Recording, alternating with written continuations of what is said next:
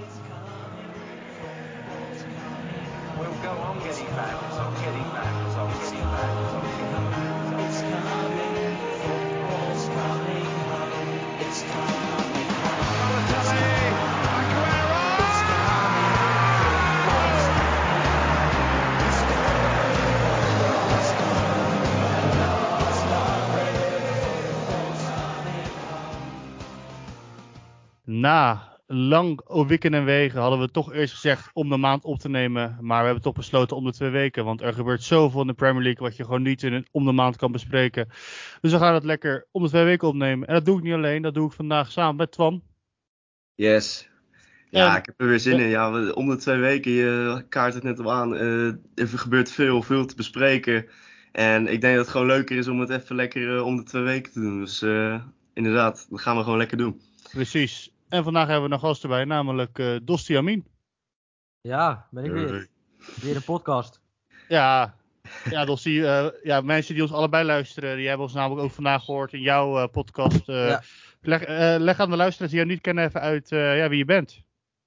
Ja, ik ben eh Dosti, ik ben eh, 22 jaar en ik hou ontzettend veel van voetbal. Ik volg eigenlijk alle top 5 competities eh, en Ajax. dus eh, ik weet eh, hier en daar wel wat over, eh, ja, over alle competities en ook over de Premier League waar we deze podcast over gaat. Nou, top. En ja, wat ik zei, eh, je bent zelf van de podcast Dosti Nozendal. Dat is een productie van eh, Podcast United, eh, onze organisatie waar ook Podcast Road bij hoort. Maar eh, ja, heren, gaan we denk ik maar beginnen met eh, wat vonden we van de eerste drie speelrondes? Ja, eerste drie speelrondes. Ehm, ja, als ik dan maar een paar punten mag noemen, dan eh, Liverpool. Waar de punten misschien een beetje uitblijven, volledig eruit gecounterd tegen Man, eh, United. En eh, Crystal Palace, helaas eh rood kaartje Nunez, waar ik nog zo, zoveel lof voor had in de eerste podcast, waar ik heel veel verwachtingen van had. Helaas het kopje niet helemaal erbij kunnen houden, letterlijk en figuurlijk. En ehm, ja, dat Liverpool, mijn clubje, die gaat nog niet helemaal lekker. Dus ik hoop dat die de komende tijd meer punten gaan pakken in ieder geval. Eh goede start van eh, Leeds en Brighton. Eh, inderdaad, Greg Potter die heeft het gewoon goed voor elkaar.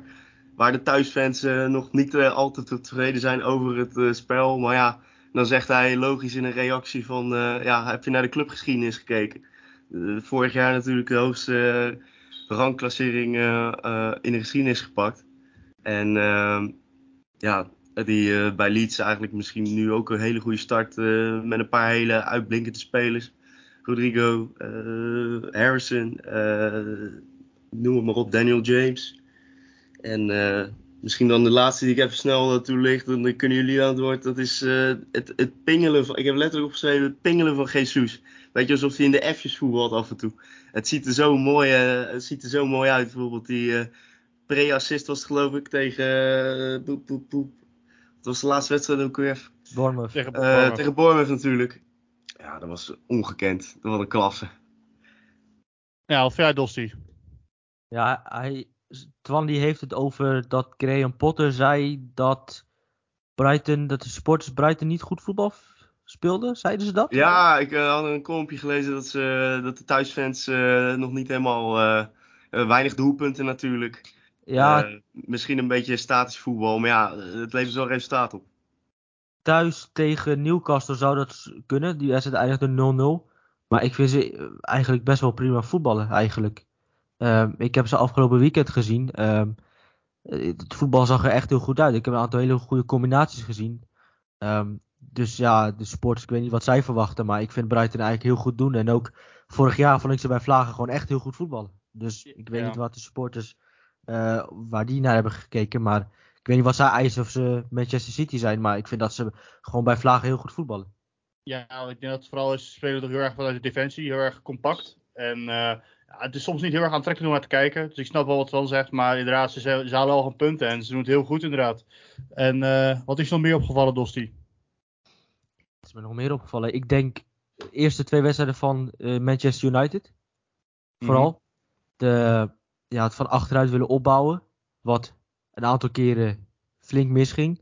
En vooral de rol van het middenveld. De twee nummer 6 die toch gefaald hebben. De eerste wedstrijd met Fred en McTominay.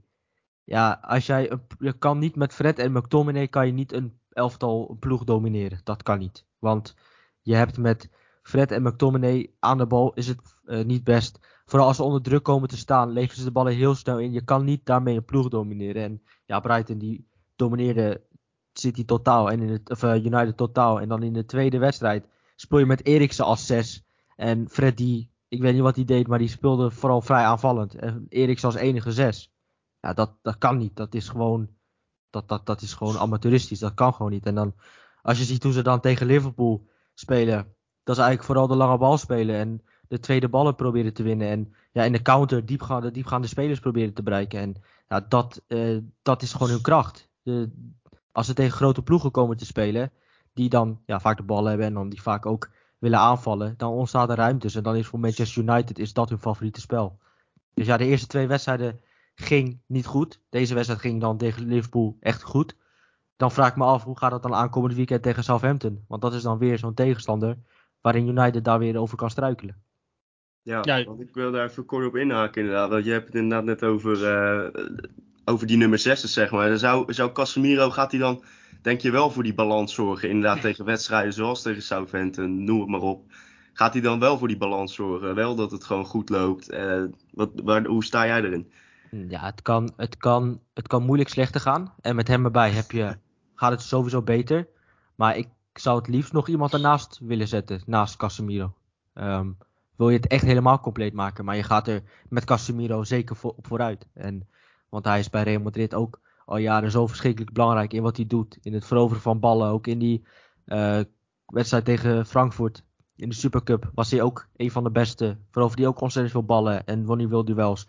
Dat is wel zijn kracht. En hij kan op die positie wel zorgen voor de controle. Alleen als je daarnaast nog een Frenkie de Jong zou hebben, ja, dan heb je wel echt een compleet. eh, Dan is je middenveld wel echt heel goed in balans. Ja, precies. Ik heb hetzelfde een beetje. Van, ik heb Casemiro is, een beetje, is gewoon een betere versie van Fred of McTominay. Eh, gewoon een goede balafpakker. En ik had een keer een artikel gelezen erover dat als hij zeg maar meer een verdette rol gaat aannemen, wat hij toen deed in dat jaar dat Real Madrid niet zo goed middenveld had, of dat het niet liep met eh Modric en eh Kroos. Als hij dan een beetje de ballen ging opeisen, liep het ook helemaal niet goed met hem. Dus hij moet gewoon echt een beetje in die ondergeschikte rol gaan voetballen, denk ik, bij United. Dus ik denk dat we met Casemiro wel een goede aankoop hebben, maar niet de missing piece. Maar ik vraag me dan af, zeg maar, ja, Frenkie de Jong is onhaalbaar, want die wil niet naar United. Maar wat zou nou een voetballende middenvelder zijn die wel mogelijk interessant zou zijn voor United? Ja, Ik vind eigenlijk altijd, eh, vind ik Declan Rice een hele goede middenvelder. Alleen die kost gewoon ontzettend veel geld. En dat is wel een probleem. Want ze vragen, wat ik las, 100 tot 150 miljoen. Dat is wel ontzettend veel geld. Alleen, ik vind hem wel rijp voor een stap omhoog. Ja, precies. En dan kunnen we gelijk even inhaken op een vraag die we hadden van... eh, hadden één vraag binnengekregen op ons eh, Twitter-account van eh, Hendrik, eh, Hendrik Voetbal 1. Die zegt, eh, ja, gaan eh, Gakpo en Anthony bij een eventuele overgang naar United het redden in de Premier League?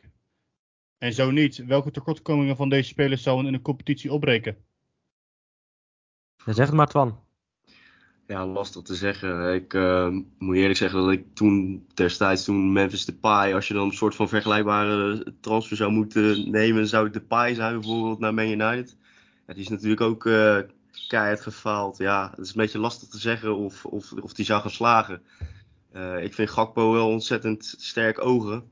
Ehm, Heb je gisteren gekeken tegen, tegen Rangers? Ik vond hem echt eh, onzichtbaar in zo'n cruciale wedstrijd. En dat heb ik Ja. altijd een beetje met de Gakpo. Van als hij er moet staan, dan Ja. staat hij er niet. Precies. Ja. Ja, dus dat, dat zou misschien inderdaad eh, zo kunnen zijn dat hij, als stel hij zou dat stapje hoger opmaken naar de Premier League, dat hij inderdaad constant onzichtbaar is, kwaliteit mist. Ja. Dus eh, er staat ook dan veel meer wedstrijden, veel meer druk op. Ik, ik weet niet inderdaad, als, als hij schijnbaar dus met die druk niet goed kan omgaan, of dat hij dan gewoon minder presteert in zulke wedstrijden, wanneer hij moet opstaan.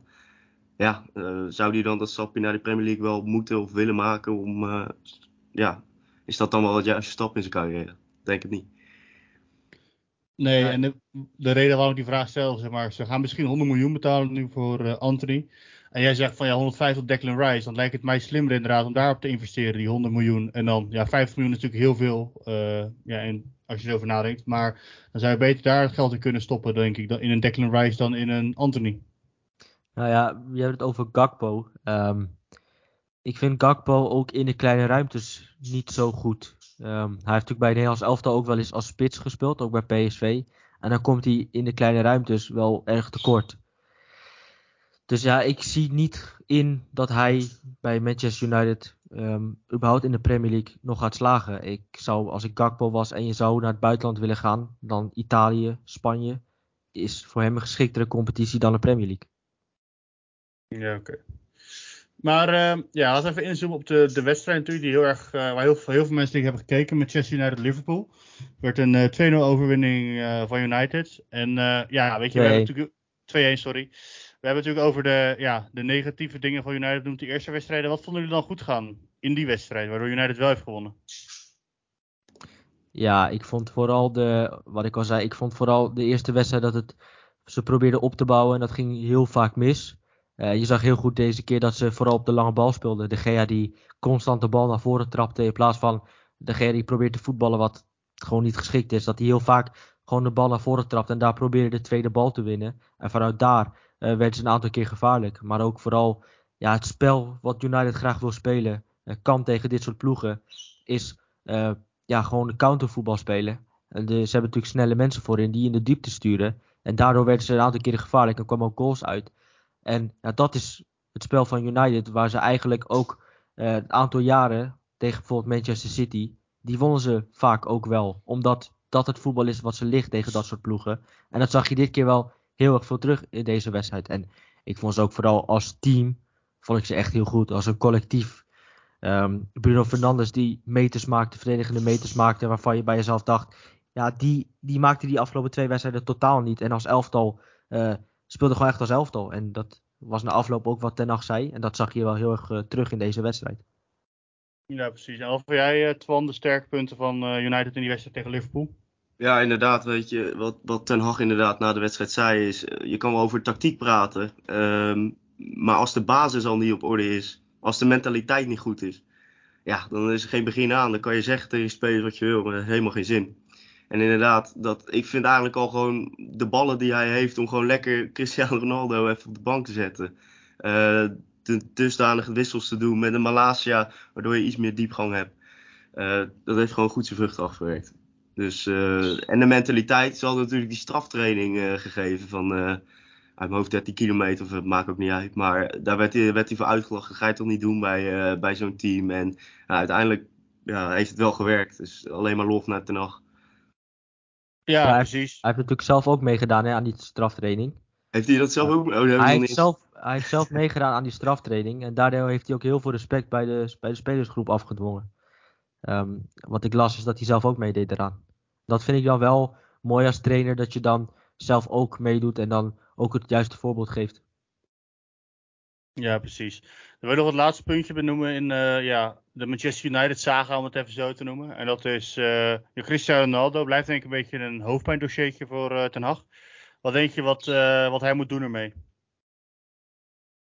Nou, eigenlijk dit misschien. Want eigenlijk het, het team gaat gewoon om Ronaldo draaien, als ik het dan zo mee moet zeggen, als hij erin staat. En hij, je moet gewoon jonge, frisse honden erin hebben. En dan kan je dat spel inderdaad, waar we het net over hadden, wat hij graag wil spelen met Man United. Dan kan je dat spelen met een Elanga. Uh, Rashford en Sancho heb je ontzettend veel snelheid en dreiging. Ik moet uh, zeggen dat ik de invalbeurt van Martial echt heel goed vond. Hij viel echt heel erg goed in. Hij was enorm balvast. Vond ik ook in het doorvoetballen. Uh, ik vond hem echt heel goed invallen. Dus Martial was natuurlijk een tijdje geblesseerd. Ik zou me niet, het zou me niet verbazen als hij nu de kans krijgt. ook zeker naar deze invalbeurt, want ik vond hem heel sterk invallen. Ja, hij had toch ook de voorkeur gekregen in de Force ja. was hij was ook een beetje de eerste spits van, uh, van Ten Hag. En, uh, ja, ik toen was ook... Ronaldo er niet bij, hè? Nee, oké, okay, maar nog steeds, hij gaf hem wat vertrouwen. Terwijl hij eigenlijk een beetje afgeschreven was en was verhuurd aan Sevilla om eigenlijk door te verkopen. Ja, daar was hij ook niet goed bij Sevilla. Dus het verbaasde me hoe hij in de voorbereiding draaide. En ja, zijn invalbeurt was heel sterk, want hij hield echt wel een aantal verdedigers bezig. En waardoor ook uh, Rashford vaak ook die ruimtes in kon duiken. Waar uiteindelijk ook die 2-0 uitkwam. En Elanga, vond ook heel sterk spelen. Ja, vond ik ook. Ik vond heel veel spelen. Ik vond voor de eerste helft wel matig. Dat had ik in de vorige podcast ook gezet. Want die had een aantal, verprutste een aantal kansen. Maar in de tweede helft had hij ook een aantal acties. Dat ik dacht, dit is wel echt weer de Rashford die we echt kennen van vroeger. Um, dus daarin vond ik wel dat dit wel een wedstrijd was dat uh, spelers zichzelf weer lieten zien. En achterin, Maguire was er niet. Ja, Martinez en Varaan waren uitstekend. Ik vond zelfs Diego Dallo, die ik verdedigend heel zwak vo- vond, vind. ehm, ja, die werkte echt zijn sokken eraf. Die was echt, echt heel goed. En hetzelfde Ja. geldt eigenlijk voor het hele elftal. Ik vond Ja, zelfs McTominay vond ik gewoon heel goed spelen. En die had zelfs ook nog een aantal eh, goede paasjes waar kansen uitkwamen. Dus ehm, ja, McTominay vind ik op een of andere hele rare manier altijd tegen grote clubs gewoon uitblinken. Ehm, alleen ja, tegen de kleinere ploegen waar je het spel moet maken, ja, dan heeft United het wel heel erg moeilijk. En tegen dit soort clubs, eh, ja, gek genoeg, of althans misschien niet gek genoeg, draait United altijd wel heel goed. Maar überhaupt, Dayo, de eerste wedstrijd had ik het gevoel dat hij alleen maar lucht aan het dekken was. Dus het is wel, eh, we hebben zien wel een stijgende lijn in zijn eh, defensieve, defensieve ar- arbeid. Ja, gewoon als team ook, hè. Als, team, als je als team kan verdedigen en als je team zo fel kan zijn en kan druk zetten, dan kom je ook in echt een eind. En United speelde dit keer gewoon als team. En de voorgaande wedstrijd was het gewoon los zand. En dat was te zien. En ehm, je ziet ook wel dat zo'n Varaan ook echt heel fijn is. Dat hij met zijn snelheid, ook met zijn kracht en zijn lengte. ehm, ja, die is natuurlijk ook een tijdje geblesseerd geweest. Maar ja, die is teruggekomen nu en die speelde echt een geweldige wedstrijd. Ja, we gaan het meemaken aankomende zaterdag. En daar wordt ook wel een hele interessante wedstrijd tegen Southampton. Natuurlijk ook heel defensief zich waarschijnlijk gaat ingraven tegen United. En dan moet je naar hetzelfde spel gaan maken. Maar Mag ik nog eh, wel iets zeggen over, over Liverpool trouwens? uiteraard. We hebben het natuurlijk niet over Liverpool gehad, maar die spelen natuurlijk wel. Die hebben natuurlijk wel een aantal blessuregevallen. Hè? Achterin hebben ze geen, geen Konaté, ze hebben geen. ehm Matip hebben ze niet. Op het middenveld geen Thiago. En als je dan op het middenveld speelt met Henderson en eh, Milner, ja, dan kom je ook wel in de problemen. Eh, dat speelt natuurlijk ook wel een rol. Dat je met die twee ook heel moeilijk aan voetballen toekomt op dat middenveld. En dat was voor United wel fijn dat Thiago niet meedeed. En dat bij eh, Liverpool mis je ook wel echt Mané. Want als je in de spits Firmino ziet, dat kan gewoon niet meer. Dat, dat, komt heel weinig meer uit, uit Firmino. En eh, al als hij lang als hij speelt, dan is het gewoon enorm matig en voegt hij eigenlijk weinig toe. En dan zie je op dat moment wel het gemis van Mané. Maar ja, ik weet niet hoe Twan daarnaar kijkt als Liverpool sport. Dat een vraag inderdaad. Ja, nee, je ziet eh, dat je Mané wel erg mist nu. Dat is, die- eh, mensen zeggen dan gelijk, ja, die als één op één vervanging. Maar ja, Mané is toch even een klasse apart. En Firmino is misschien, eh, ja, die, die komt, ja, die, die komt ook gewoon tekort, naar mijn mening. Ja, Dit- het ja is- die komt wel een, tekort, ja. die is een beetje aan het afbouwen, lijkt het wel. Ja, dat, dat is gewoon een. Die, die zijn ze gewoon. Ze willen gewoon die Nunes gewoon nu erin gaan werken. En ik hoop de komende weken dat, dat die gewoon weer de shine gaat pakken. Ik vond het wel interessant, hè, want eh Fabinho speelde niet, hè? Fabinho zat op de bank. Ehm, en ik snapte het wel, want ik vond Fabinho, ik vond hem in de die wedstrijd tegen City echt heel goed. Samen met Thiago, domineerde echt het middenveld. Ik vond hem alleen tegen Fulham echt heel zwak. Leek wel alsof hij gewoon hij echt uitgeput was. Kwam overal te laat. Eh, ik vond hem de wedstrijd tegen Crystal Palace maakte hij ook het fout, de fout waar de 0-1 uitkwam. Dus ik begreep op zich wel dat hij eh, op de bank begon.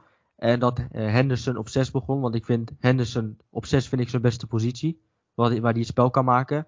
Alleen met Henderson en Milner op het middenveld. Ja, dat kan gewoon niet. Dat, dat, dat is gewoon. Dat, dat, dat is gewoon. Er komt heel weinig eh, dynamiek vandaan. En, en Milner die ook heel traag is in handelen en dat soort dingen. Dus ehm, ja, je mist wel echt Thiago op dat middenveld. En Thiago was vorig jaar in die wedstrijd tegen Manchester United thuis, die 4-0, was hij echt krankzinnig goed. Eh, ook iemand die, als hij onder druk komt te staan, de rust kan bewaren. eh, gewoon heel belangrijk is voor dat middenveld. En ja, dat moet je ook in rekening stellen dat dat bij Liverpool ehm, ontbreekt. En zijn Van Dijk ja, zit ook niet in zijn beste periode. Trent zit niet in zijn beste periode. Salah zit niet in zijn beste periode. Dus buiten dat staan er ook heel veel spelers bij Liverpool gewoon niet in vorm. En dan krijg je dit als seizoenstart. Ja, true. Dan gaan we denk ik eh, ja, naar een nieuw rubriekje wat we gaan eh, introduceren. Dat heet On the Road. Road again. Just can't wait to get on the road again. The life I love is making music with my friends. And I can't wait to get on the road again. Nou, Onder eh, Rijtrood, toch? On the Right Road. ja, scherp, scherp, scherp wel. Want het is jouw rubriekje, ligt het even toe. Jij kwam hiermee eh in de podcast Road groep. Ja, het leek mij gewoon een leuke woordspeling. Onderuit rook op de goede weg, maakt niet uit. Maar dat iedereen gewoon, eh, zeg maar, ehm, dus in principe Maurits, Laurens en ik, Twan, elke week een speler, of elke keer voor de podcast een speler eh, eh, kiezen als een soort, ja, die het meest uitblonk, het beste presteert, gepresteerd heeft. En dat de mensen via de socials kunnen stemmen. op, en dan misschien een klein bruggetje gelijk naar Malaysia maken. Want die heeft toch wel echt eh, onze Nederlandse eh, ster, die heeft eh, gewonnen. Ja, ik, weet ja. niet, jij, ik weet niet of, eh Dosti, of jij weet welke twee andere spelers eh, er waren voor deze keer. Heb je dat meegekregen? Ik heb het niet meegekregen, nee. Nou, ja, ik had Saliba en... eh hoe heet Oh ja, ja, Dat ik heb het wel meegekregen. Adams. Ik heb het wel meegekregen. Ja, en ik had Ja. Jay Adams. En eh, Ja. ja, de, de pool was heel duidelijk. Eh, we zijn, je ziet dat we een Nederlandse podcast zijn, want op, eh, op Instagram had Malaysia 65% van de stemmen. En op Ja. Twitter, ik ga het even bijpakken, had Malaysia er, zo, even kijken, 86% van de stemmen. En dan Jay Adams als tweede. Dus ja, mensen die vonden Malaysia inderdaad heel erg sterk optreden. Ik, ben ook, ik denk ook wel dat hij ja, eigenlijk wel de nieuwe linksback van het Nederlands elftal gaat worden. Dat hij blind eruit gaat spelen voor, het- voor het WK. Nou, dat vind ik wel interessant, want ik denk dat het wel, ja, twijfelachtig wil ik niet zeggen, maar ik denk dat het wel uitmaakt in, de, in misschien wel de wedstrijd tegen wie je speelt, de tegenstander. Ik denk dat je in wedstrijden waarin eh, je toch meer eh, dominanter bent, dat je misschien wel iets meer blind kan gebruiken, omdat ik hem aanvallend toch wel aan de bal wel sterker vind. Ehm, alleen in wedstrijden waarin eh, je toch wel tegen sterkere tegenstanders, dat je Malaysia de voorkeur kan geven. Ik vind Malaysia echt wel stappen maken. Ehm, alleen ja, de, de kwaliteit van Blind, wat je ook tegen België zag in het aanvallende gedeelte, eh, vind ik Blind aanvallend wel sterker. Ehm, wel anders dan Malaysia. Natuurlijk Malaysia meer snelheid, maar het voetballende vermogen van Blind vind ik wel erg fijn om te hebben. Ehm, alleen ik vind dan tegen ploegen eh, als, nou, als, het, als je straks verder in het toernooi komt, en je komt tegen betere ploegen, dan heb je wel meer aan Malaysia. Ja, dat is waar. En ehm, ja, jij had zelf ook nog een speler eh, ja, on the right road die jij wilde uitlichten. Dat heb je ook Ja, al kort had- benoemd in, onze, in jouw podcast. Ik had eh, Bella Kotschap ehm, van Southampton, centrale verdediger. Ehm, ik zat Leicester tegen Southampton te kijken. En wat bij Southampton was, ze hadden de eerste twee wedstrijden zes tegengoals. Het liep niet lekker verdedigend. En afgelopen weekend vond ik ze heel erg goed. Eh, in verdedigend opzicht echt heel sterk. Ze hadden maar, ze kregen zes schoten tegen, waarvan één vrije trap die erin ging. En voor de rest eigenlijk geen grote kansen tegen gekregen. En ik vond Bella Kotschap samen met Salissou achterin echt heel goed. En eh, Bella Kotschap die War die helemaal neutraliseerde. eh, verdedigend heel erg goed was. Heel sterk in de duels. Verdedigend heel goed. En dan ook eh beslissend met een assist op, ja, op Jay Adams. Eh, had hij nog. Dus ik vond hem een hele goede indruk maken. En ja, ik ken hem vorig jaar al van... ehm, van Bochum ken ik hem al. Toen hij daar zijn debuut maakte. En bij zijn debuut was hij al heel erg sterk. Toen had ik die wedstrijd helemaal teruggekeken, speciaal voor hem. En nu in de Premier League maakt hij gewoon een goede indruk. Vorige week eh, had hij een aantal goede runs naar voren toe aan de bal. Eh, een paar goede runs. En nu vond ik hem verdedigend heel sterk. En had ook weer een bijdrage met een assist. Dus daarom voor mij Bella Kotschap. Kijk, nou ik vind het een uh, leuk rubriekje van. We gaan zeker uh, kijken wie de volgende week, uh, wie, wie, we de volgende keer gaan uh, uitlichten. Want ja, het volgende onderwerp is keepers. En dat had jij ook voor deze keer een rubriekje over keepers. Wil, ja, geen rubriekje, je wilde even over keepers hebben in de, in de Premier League. Ja, nou ja, inderdaad. Ik dacht dat is misschien wel even leuk om het daar eens een keertje over te hebben. Want er zijn wel een aantal keepers die misschien een beetje bespreekbaar zullen zijn. Misschien Dos die er ook een leuke mening over kan vormen. Ik heb als eerste op mijn lijstje staan, even kijken, Mandy.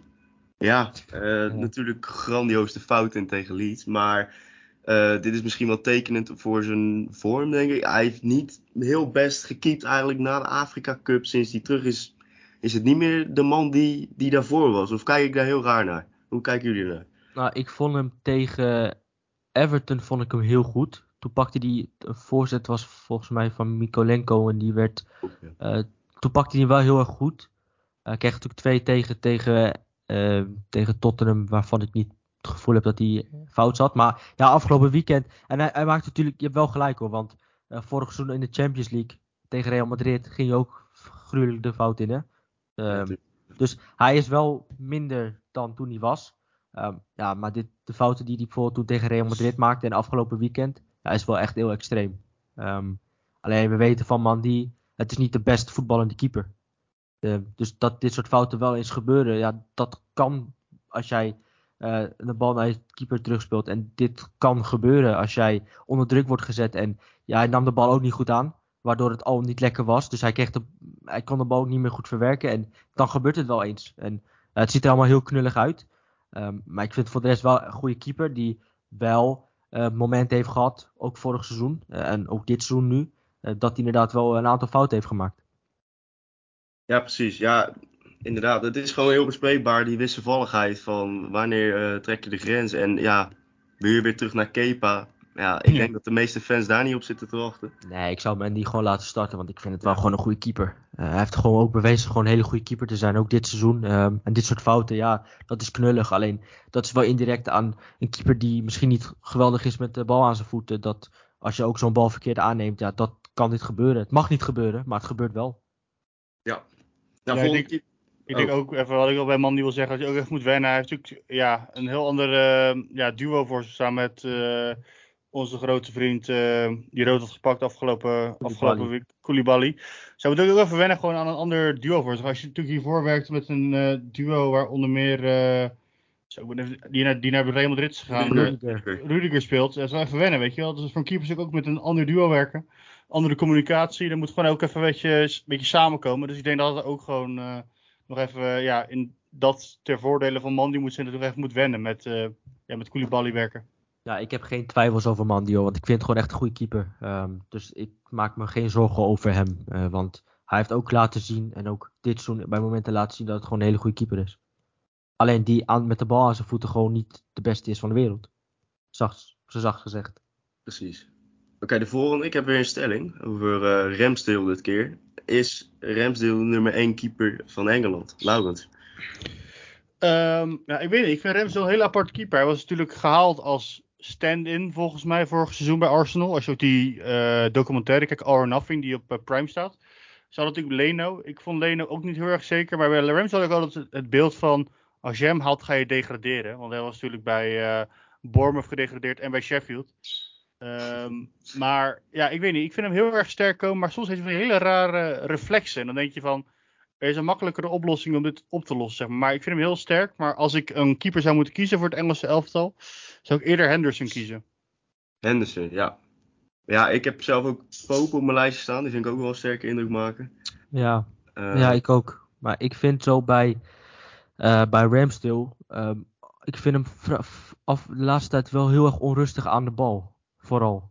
De hele rare momenten aan de bal, heel onrustig aan de bal. Dat hij heel vaak een bal heel, heel onrustig behandelt. Dat ik denk, eh, ja, dat, dat je qua elftal maakt je het ook onrustig. Maar hij heeft ook dit seizoen ook hele belangrijke reddingen verricht. Eh, denk maar aan Crystal Palace uit.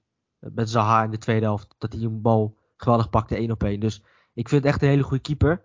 Ehm, alleen ja, de laatste tijd wel een beetje onrustig met de bal aan zijn voeten. Maar hij was, ehm, volgens mij was het tegen Leicester, gaf hij ook een schitterende paas naar voren toe. Ehm, ehm, hij kan echt wel, hij heeft echt wel een goede paas in de benen, maar ik vind het wel vrij onrustig de laatste tijd. Alleen, ik vind het wel gewoon een hele goede keeper. En we hebben, je hebt het natuurlijk over Henderson gehad en ja, Pope. Engeland heeft echt wel een aantal goede keepers, hè. Ehm, en ik denk als je het hebt over wat Southgate wil hebben, natuurlijk met het voetballende gedeelte, dan is daarin wel. ehm, eh, Pickford is daarin wel echt de beste keeper. eh, met de bal aan zijn voeten. Ja, hij gaf afgelopen weekend ook een assist bij de 1-1. Mhm. Ehm, die bal van, gaf hem vanuit achteruit helemaal mee in de diepte. En daar kwam de 1-1 uit. Dus het zijn wel een aantal interessante opties. Maar ik denk dat Southgate toch voor dat voetballende gedeelte wil gaan met Pickford. Ja, wat wel Ja, interessant is, is dat in de laatste Interlands heeft hij wel weer voor Ramsdale gekozen. Dus dat een beetje te kijken. Maar inderdaad, het is het, als je het over voetballend vermogen hebt, dan zou je eerder voor Pickford gaan inderdaad. Ja, Ik denk dat Pickford misschien wel de beste voetballer, voetballer is bij Everton. Qua passing en voetballend vermogen. Hm. Dat zegt wel Veel wat. over Arsenal. Zegt veel over, zegt veel over Everton. Dat zegt wel wat. Ik vind Iwobi trouwens ook heel goed nu als eh, centrale middenvelder bij Everton. Maar dat terzijde.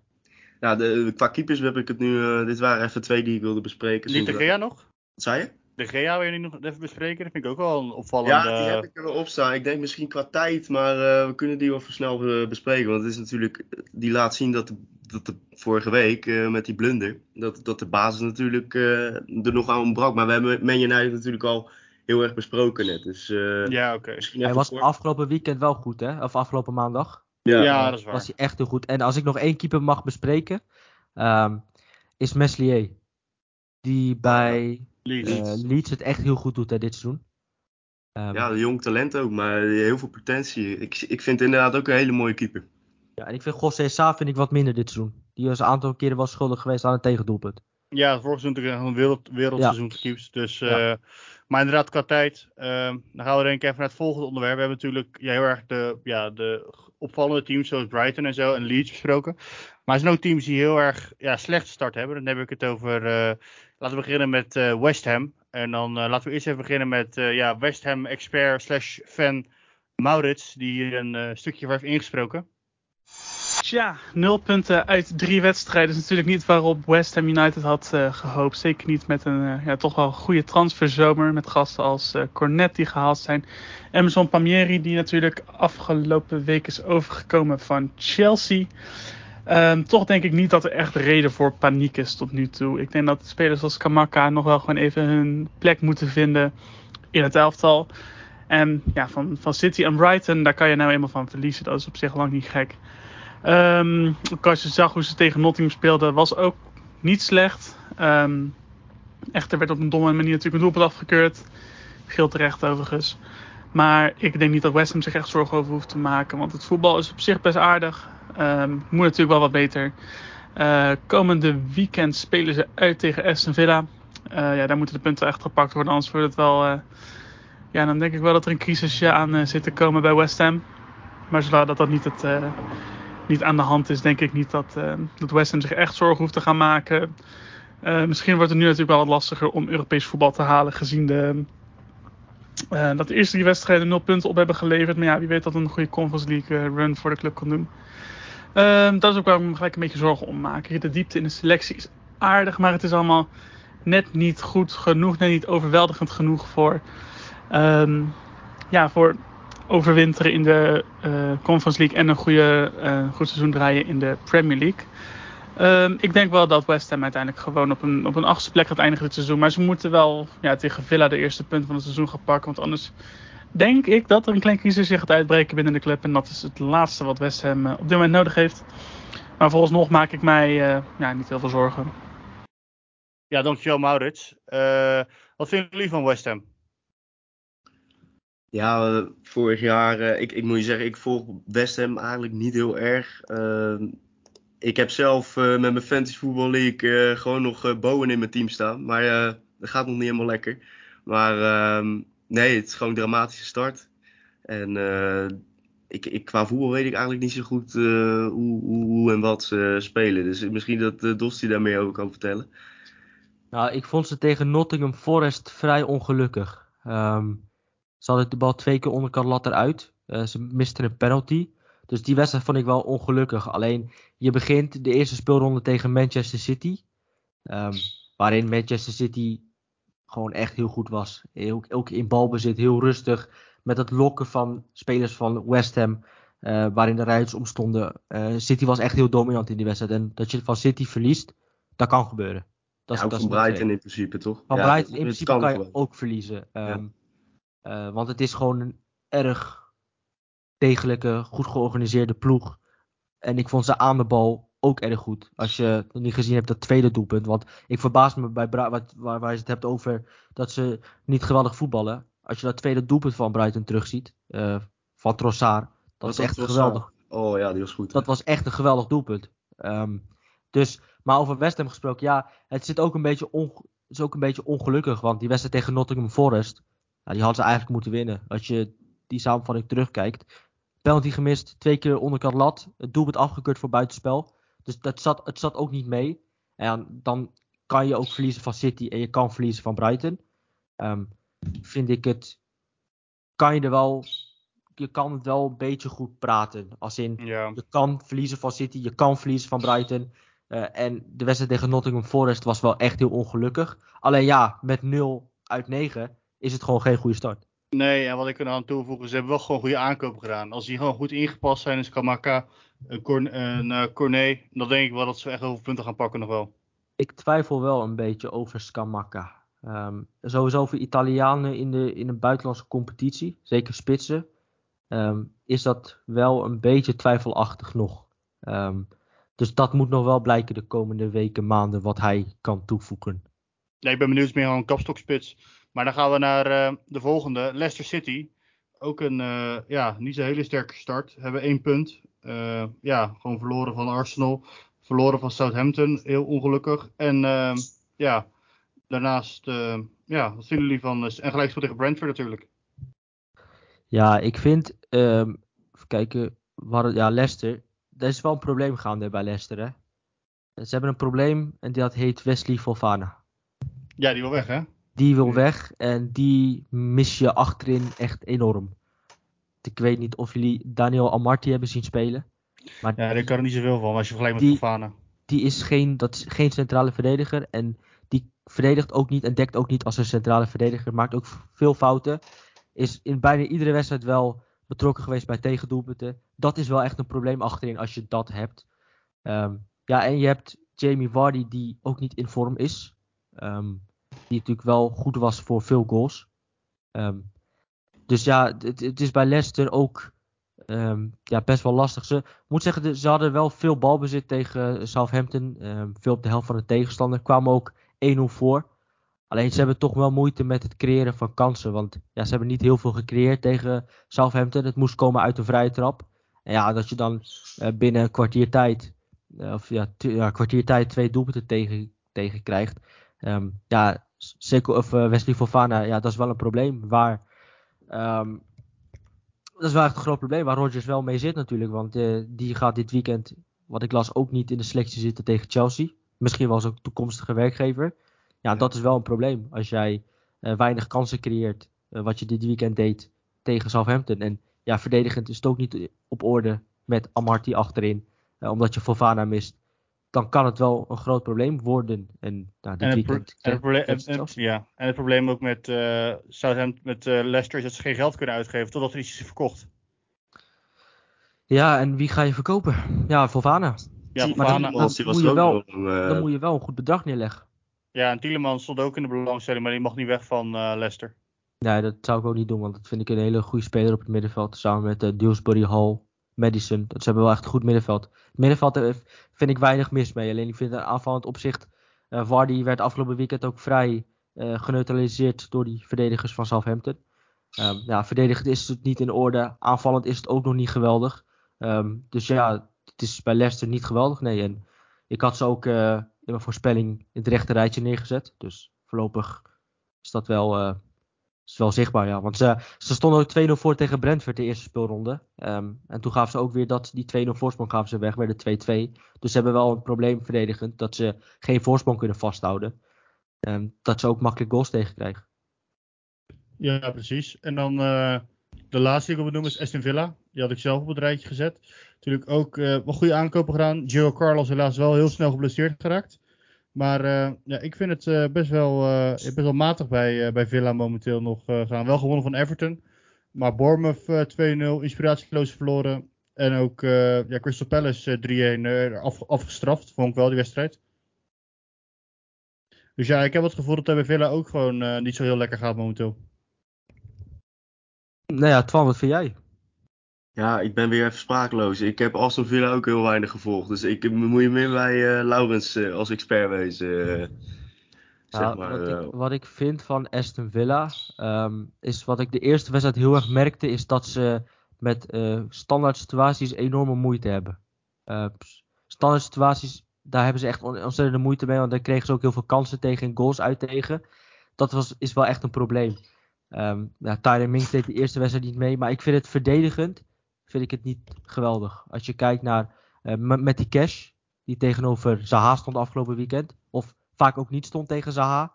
Uh, Lucas Digne had het ontzettend moeilijk. En ook verdedigend was het met Esri Konza heel zwak, heel matig. Um, ik vind ook dat bijvoorbeeld Buendia, die viel in tegen Everton, die bracht iets, iets maar ik vind het voorlopig, ja, zeker verdedigend opzicht heel erg matig. En uh, ze wonnen dan wel van Everton. Maar ze laten. Ze, ja, ik vind het nog erg matig wat ze laten zien. En Gerard heeft wel veel werk te verrichten. Want ook uh, als jij veel kansen tegenkrijgt en goals tegenkrijgt uit standaard situaties, dan is dat wel echt een groot probleem ook. Ja, en ik heb ook gelezen, als je kijkt naar het aantal punten wat Gerrard had gehaald, hij werd ook heel erg geroemd in het begin, maar hij heeft evenveel punten gehaald als eh, Neville bij Valencia nu pas. Dus eh, ja, ik wil zeggen dat het heel goed gaat nog bij... Nee, het gaat niet goed. En ik vind het, z- wat ik al zei, ja, Diego Carlos is weggevallen. En ik vond het verdedigend echt, echt heel erg slecht tegen Crystal Palace. Als je tegen Zaha speelt en je verdedigt op deze manier, dat met die cash, dat hij gewoon alle ruimte krijgt, die Zaha. Ja, dat is problematisch. En ook in het doordekken vond ik met die cash heel slecht. Eh, en ja, de verdedigend opzicht ja, is het gewoon niet goed. En dat zag je ook in de wedstrijd tegen Nottingham Forest. En dat zag je nu weer. En dat zag je ook in de wedstrijd tegen Everton, waar ze een aantal keren goed wegkwamen. Dus eh, ja, het is nog niet. eh, het elftal zit nog niet goed in elkaar bij, eh, bij Crystal Palace. Zeker op verdedigend ge- gebied niet. Aston Villa bedoelde je. Aston Villa, wat zei ik dan? Is ik Crystal Palace. Oh ja, Crystal Palace zit wel goed. maar eh, Aston Villa is niet goed. Nee. Maar ja, ehm, ja, we zijn nog even het laatste punt wat ik wil bespreken voor, ehm, ja, voor deze aflevering is transfers. Er, ehm, er zijn nog heel veel geruchten, dat is Anthony die we al hebben besproken. Ehm ja, Frenkie de Jong naar Chelsea. Zijn er nog eh, transfers die, eh, geruchten die jullie zijn opgevallen? Ehm, even kijken, ja, Chelsea. Isaac, eh, Isaac naar Chelsea- Newcastle. wat zei je? Isaac naar Newcastle. Oh ja, dat heb ik gelezen, ja. Ja, dat Die is is, leuk. Die heeft nu zijn eh, medicals, volgens mij nu. Die is, al, die is daar al. Ja, dat vind ik wel een interessante spits. Die het wel vaak in topwedstrijden niet laat zien. Ehm, tegen Barcelona scoorde hij wel. Het is wel. Ik vind het wel een technische speler. Die ook snel is. Die diepgang heeft. Ehm, alleen, ik ben wel heel benieuwd hoe het in de Premier League gaat doen. Ehm, nou ja, we hebben het in de vorige podcast hadden we het, Laurens, over. Had jij het over de breedte van Newcastle United? Nu hebben ze Mhm. met Isaac wel een interessante spits binnengehaald. Ja, true. Ja, ik ben benieuwd. Het is heel anders dan. Het is een, be- het is een beetje heel snel natuurlijk. Een beetje hetzelfde als Callum Wilson, maar dan de jongere versie. Ik vind het wel, hij heeft, eh, zeker ook op dat EK, was hij echt heel goed voor Zweden. Uh, waar Pakiet erachter opeens, eh, opeens gek gaat doen. Maar, maar het is wel een interessante profielspeler. Ik wil misschien ook even Cody Gallagher, die is ook best wel, eh, wordt ook nog best wel gelinkt aan een transfer. Naar Leeds of Southampton, of ik zit ik nou helemaal... Nee, Crystal. Newcastle ook. Oh, nou ja. In ieder geval, eh, ja, ik ben ook benieuwd hoe eh, die ontwikkelingen eh, verder gaan. Dat vind ik echt een goede speler. Vorig jaar bij Crystal Palace heeft hij het echt heel goed gedaan op die positie. Ontzettend veel eh, energie en loopvermogen heeft die jongen. Zeker. Ja. Ja. Ja, er zijn eh, veel dingen er gedaan. Natuurlijk, Anthony al benoemd. Eh Ismaila Sarr, misschien naar Aston Villa van, ehm, van Watford. Ik heb ook gelezen dat misschien eh, Morata een belangstelling staat van Manchester United. Ze de Asensio. naar. United. Ja, ze gaan eh, daar wel wel een portemonnee trekken. Dus het wordt nog zeker een interessante, interessante periode. Oh, Ja, ja, en- Pierre-Emerick Aubameyang, Chelsea. Las Ja. ik dat het toch wel vrij vergaand is. En dat vind ik wel... Ze hebben wel echt een spits nodig bij Chelsea.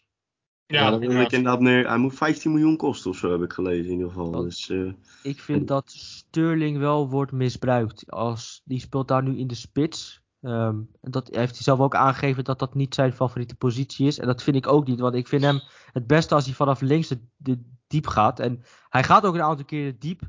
Alleen zijn teamgenoten begrijpen hem nog niet helemaal. Want hij wordt ook wel, best wel vaak overgeslagen. Eh, terwijl dat wel echt zijn kwaliteit is om vanaf links diep te gaan. Eh, ja, met zijn snelheid dan vanaf daar heel dreigend worden.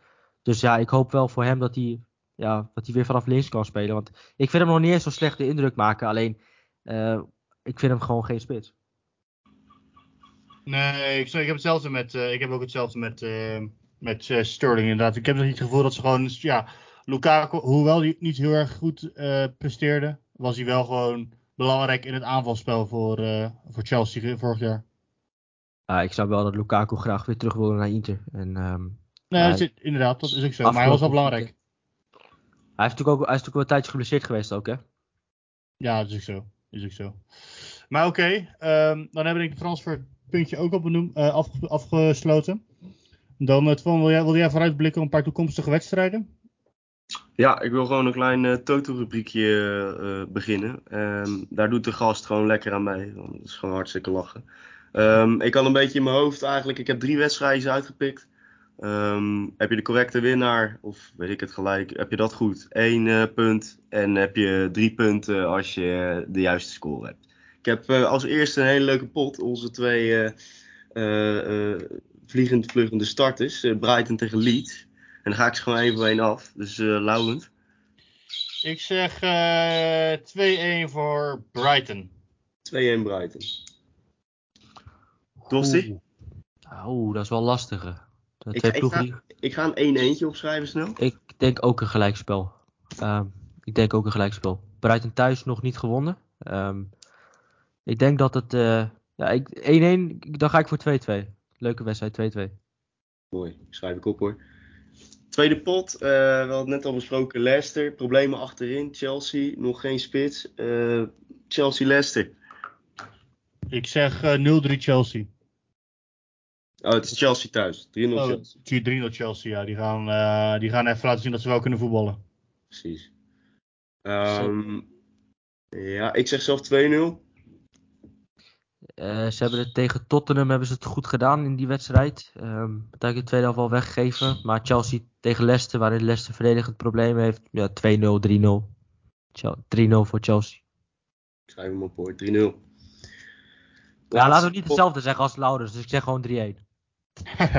Toch waar met een doelpuntje. Koulibaly is er niet bij. Dus dat is eh, verdedigend ook nog wel een probleem. Dus 3-1. Top. Eh, laatste wedstrijd, Aston Villa tegen West Ham. Oeh, degradatiekrakkertje. Gaan we Maurits, gaan we Maurits gunnen? Eh, nou, ik, zeg Aston, ik ben wel Aston Villa fan, hè, dus ik zeg... Oh, ja, ehm, maar ik heb het gevoel dat het een 1-3'tje wordt voor, eh voor, voor, voor West Ham. Dat ze toch even gaan winnen. Een domme overtreding van, eh, van Aston Villa. En dat ze toch gaan verliezen Aston Villa aan eigen huis. Dosti? Je kiest er wel lastige wedstrijden uit, zeg. God. Eh Aston Villa tegen West Ham. Ehm Aston Villa, even kijken. Ah, ik denk dat de West Ham dit keer wel het goed gaat maken. Eh 1-2. Ja, pff, ja, ja, zeg maar 1-2. Ik neig toch meer naar een gelijkspel, maar voor Maurits zeggen we gewoon 1-2. Eh, ik eh, heb geen zin in vijanden, dus ik zeg 1-1. tactisch, Twan, tactisch. Nou, eh, wil ik jullie allemaal bedanken voor het, eh, voor het luisteren. Eh, je kan ons volgen op social media, podcast, laagstreepje rood op Twitter, podcast road op Instagram. En je kan ons ook e-mail sturen naar podcastroad.gmail.com. Dossie, ik wil jou hartstikke bedanken voor het eh, meedoen met deze, deze podcast. Graag gedaan, was leuk jongens. Ja, en Twan, ook leuk dat je er weer bij was. Gaan we volgende keer weer over twee weken weer een nieuw opnemen. Hopelijk met Maurits erbij. En eh, ja, tot de volgende. Tot de volgende. Later.